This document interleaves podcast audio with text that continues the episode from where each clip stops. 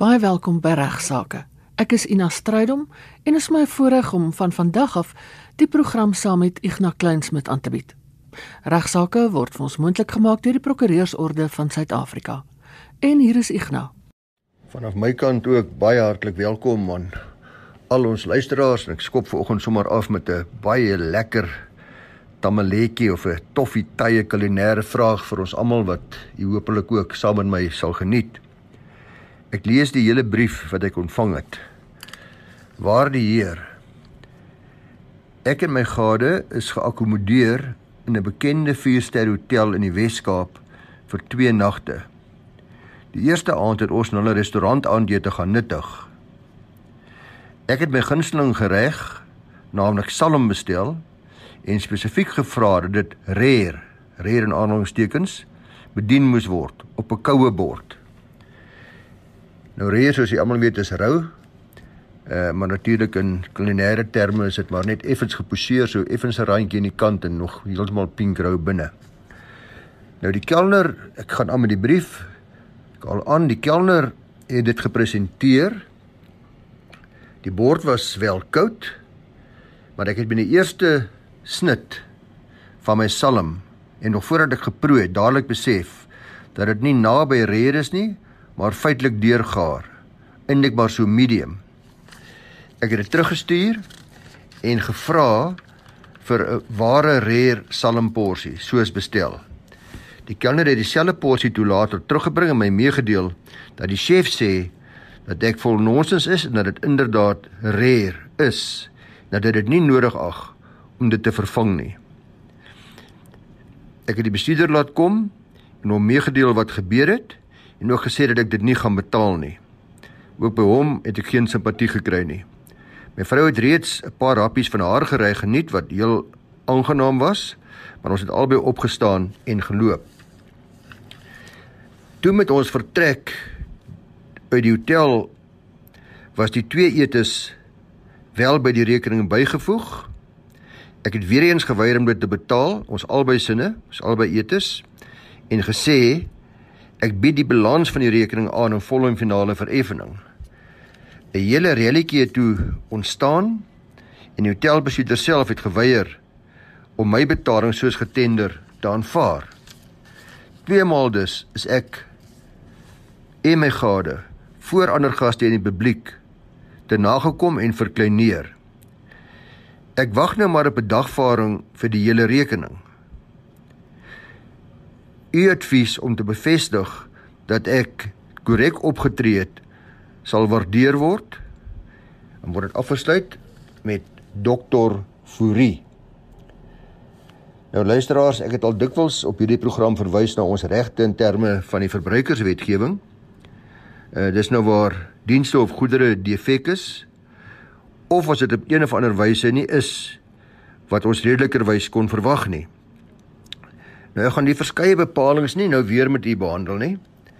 In hierdie geval is dit duidelik dat die geleentheid om hierdie beweerde gebrek te herstel, soos wat soms deur die verbruikerswet verplig word, geweier is en in elk geval nie meer bestaan nie. Daar is dus duidelike feite geskil oor die vraag of hierdie porsie salm inderdaad rare was in kulinaire terme soos ek verduidelik het. Nou dis altyd 'n teleurstelling as 'n chef jou galgkos opvoeter. Uh dit loop galgkos is my maar baie lekker woord vir mense gunsteling gereg waarna dokter Fourie verwys. Uh galgkos is dit wat jy sal eet as jy by jou dier, die ou wat jou gaan hang. Uh jou vra wat jou laaste gereg is net voordat hy jou die galg gaan hang. Julle kan elkeen wat luister na 'n bietjie dink wat julle sou bestel het. Uh, ek sê altyd 'n lekker skaapbroodjie wat so 6 ure staan gemaak is, neffens 'n harde koolvuurtjie sal my galg kos wees. En is ook 'n lekker vraag om van gaste om 'n tafel te vra. Is baie interessant om antwoorde te kry. Maar die vraag is was dokter vir hierdie optrede reg? Antwoord is dokter en luisteraars ja en nee. As die hof in sy gun sou bevind dat die salm oorgaar was, dan was hy uiteraard heeltemal binne sy regte om te weier om daarvoor te betaal. Dit het egter niks te doen met sy vrou se gereg nie en was hy beslis myns insiens nie geregtig om te weier om daarvoor te betaal nie. Ek het begrip daarvoor dat hy hom vererg het, maar sy vrou se gereg was heeltemal in orde en daar was geen rede dus om ook betaling daarvan te weier nie. Sy was heeltemal binne reg om haar gereg klaar te nuttig. En die feit dat sy saam met hom opgestaan het en dat sy ook saam met hom vies was, beteken nie natuurlik nie dat hy geregtig was om ook te weier om daarvoor te betaal nie. Maar wat nou? Sy aanbod om sy hele hotelrekening sonder dan nou die twee geregte in volle en finale vereffening te betaal, verwys. As die hotel dit so sou aanvaar het, dan sou dit beteken het dat hulle verloor die reg om te eis vir die uitstaande bedrag van toepassing op die twee etes. Hulle was dus ook heeltemal binne hulle reg om die tender op hierdie wyse, naamlik 'n volle en finale vereffening, te weier. Nou wat is die moontlike toekomsscenario's? Wat is die moontlike oplossings? Nou, eerstens natuurlik wag vir die dagvaarding. Gaan sien 'n prokureur as die dagvaarding kom en hy sal u dan aanbeveel, kan ek nou al vir u sê dat u weer 'n tender herhaal, maar hierdie keer nie 'n volle finale vereffening nie, dat u alles betaal behalwe u eie gereg. Die saak gaan dus nou gaan oor hierdie R230, naamlik die kostes van u salm. Albei partye is op hierdie stadium reeds baie armer as R230 uh ten opsigte van regskoste. Uh en natuurlik weet ons nou nog van die duisende rande wat gaan volg as hierdie geveg sou voortduur oor die R230. Nou my oplossing is uh, maar meer praktiese advies. Uh gaan dadelik terug na die hotel toe. Betaal alles behalwe die salm Let wel, jy moet dit nie weer aanbied in vol en finale vereffening nie. Jy betaal slegs die grootste gedeelte van die rekening sonder om daardie deel te betaal. En die warm patat of die salm nou rou is en of dit dan nou gaar te gaar was, het jy nou op hierdie manier vierkantig in die hande van die hotel geplaas. Hulle het nou besluit dit moeite werd is om u te dagvaar vir R230. My raai is luisteraars en, en, en Dr. Fourie, hulle sal nie as hulle wel so dommestrand is, uh, dan moet u nou maar weer besluit of u beginsels oor die salm sterker is as die spandering van der duisende se regskoste op 'n litigasie vir R230. Onthou ook die hotel is waarskynlik 'n regspersoon en sal nie van die hof vir klein eise gebruik gemaak nie so u gaan litigeer in 'n gewone landdroshof. Persoonlik probeer ek maar altyd om kliënte uit te praat uit beginselsake want hulle is dikwels as die emosies eers bedaar het later baie kwaader vir die prokureur oor al die regskoste as wat hulle is vir die teenparty wat die salm nie rou genoeg bedien het nie. So geagte dokter, uh, dit is my advies. Die wetgewing oor die befondsing van politieke partye het onlangs in werking getree. Ek nou verduidelik vir ons wat dit behels. Al ons ingeligte luisteraars sal weet dat daar oor die jare heen al soveel verdagmakery en kinderstories was oor onbehoorlike befondsing van ons politieke partye in Suid-Afrika. Vir al die oppositiepartye was dus verheug en dit gejuig toe dit duidelik word dat ons huidige staatspresident saamstem dat korrupsie wat met befondsing van politieke partye saamloop, ook geslaan moet word. En uiteindelik luisteraars op die 1 April 2021 paar weke gelede het daar 'n nuwe wet die lig gesien, naamlik die wet op politieke partye befondsing. Politieke partye befondsingswet wat geldig is vanaf 1 April 2021. Nou wat en net dit op wat beteken dit? Dit beteken dat van nou af sal kiesers baie groter insaag hê in die befondsing van politieke partye. Ons sal weet waar al die geld vandaan kom.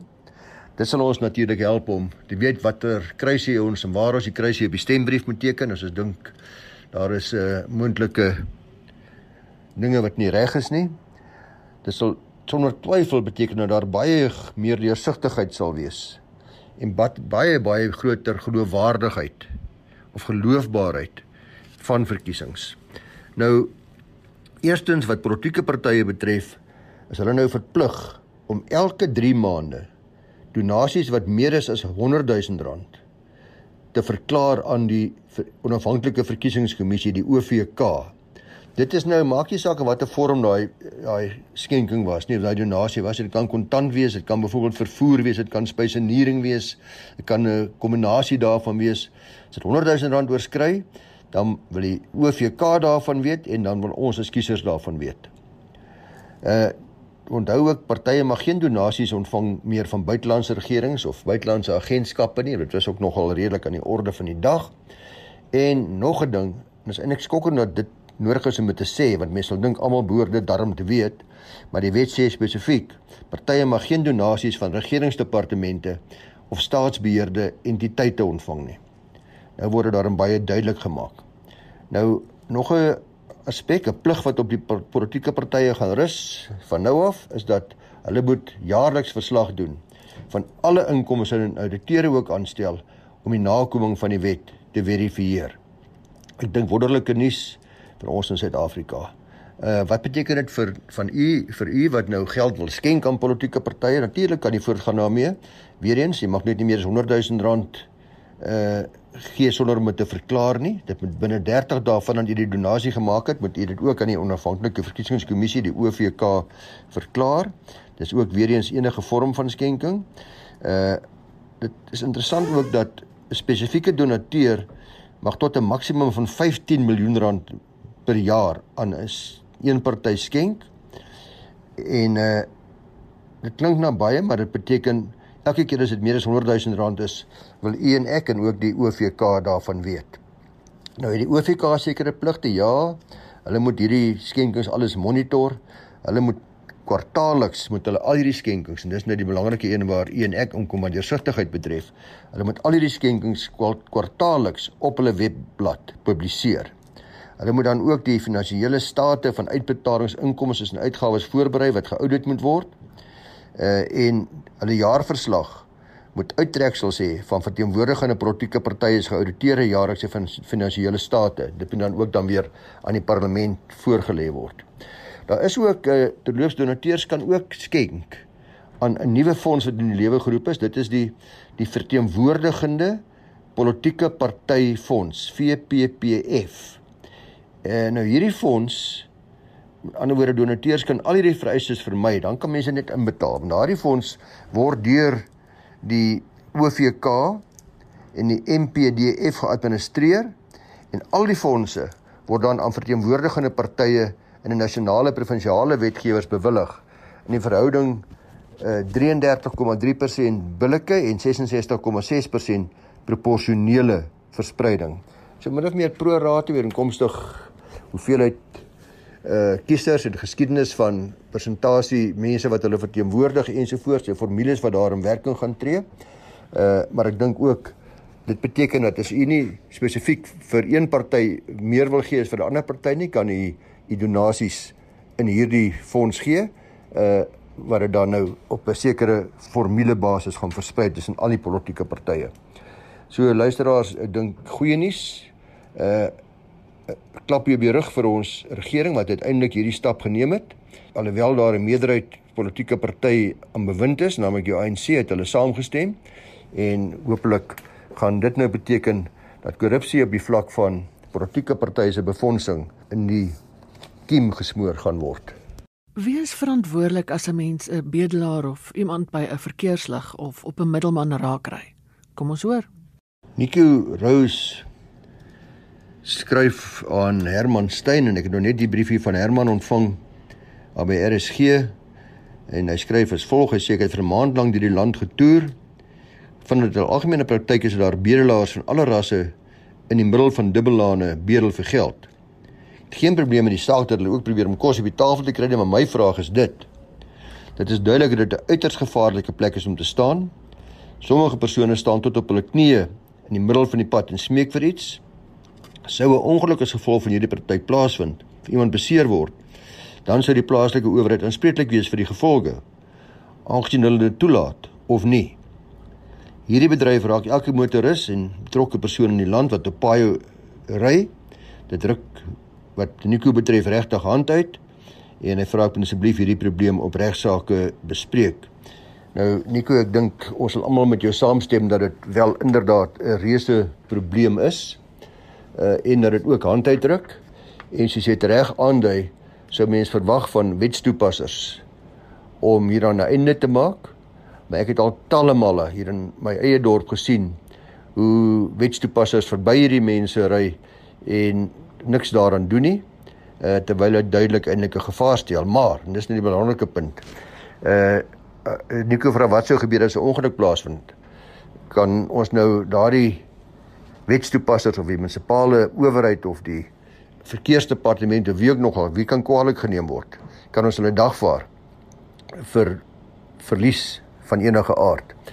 Nou luisteraars ja, ek het al voorheen ook verwys na soortgelyke probleem en ek wil maar net weer 'n keer sê dat ons kan nooit die standpunt inlig dat omdat daar iemand is wat nie daar mag wees nie, dit ons geregtig maak om ons waaksaamheid te verslap nie. Met ander woorde, as ons op die pad ry en ons sien 'n uh, kind wat voor in die pad speel terwyl sy ouers hom nie behoorlik versorg nie, uh dan beteken dit nie ons mag voortgaan om te jaag nie. Ons moet dadelik spoed verminder. Ons moet so ry dat ons nie 'n gevaar vir daardie kind in die pad daarstel nie en presies dieselfde geld natuurlik ook vir die bedelaar. So uiteindelik sal ons nog steeds aanspreeklik wees op grond van nalatigheid indien dit duidelik is dat die redelike motoris hierdie bedelaar sou opmerk dat die persoon wat behoorlik in die pad kyk en dat dit wat hy behoort te kyk, bedelaar sou opmerk en dat hy so sou ry dat hy daardie bedelaar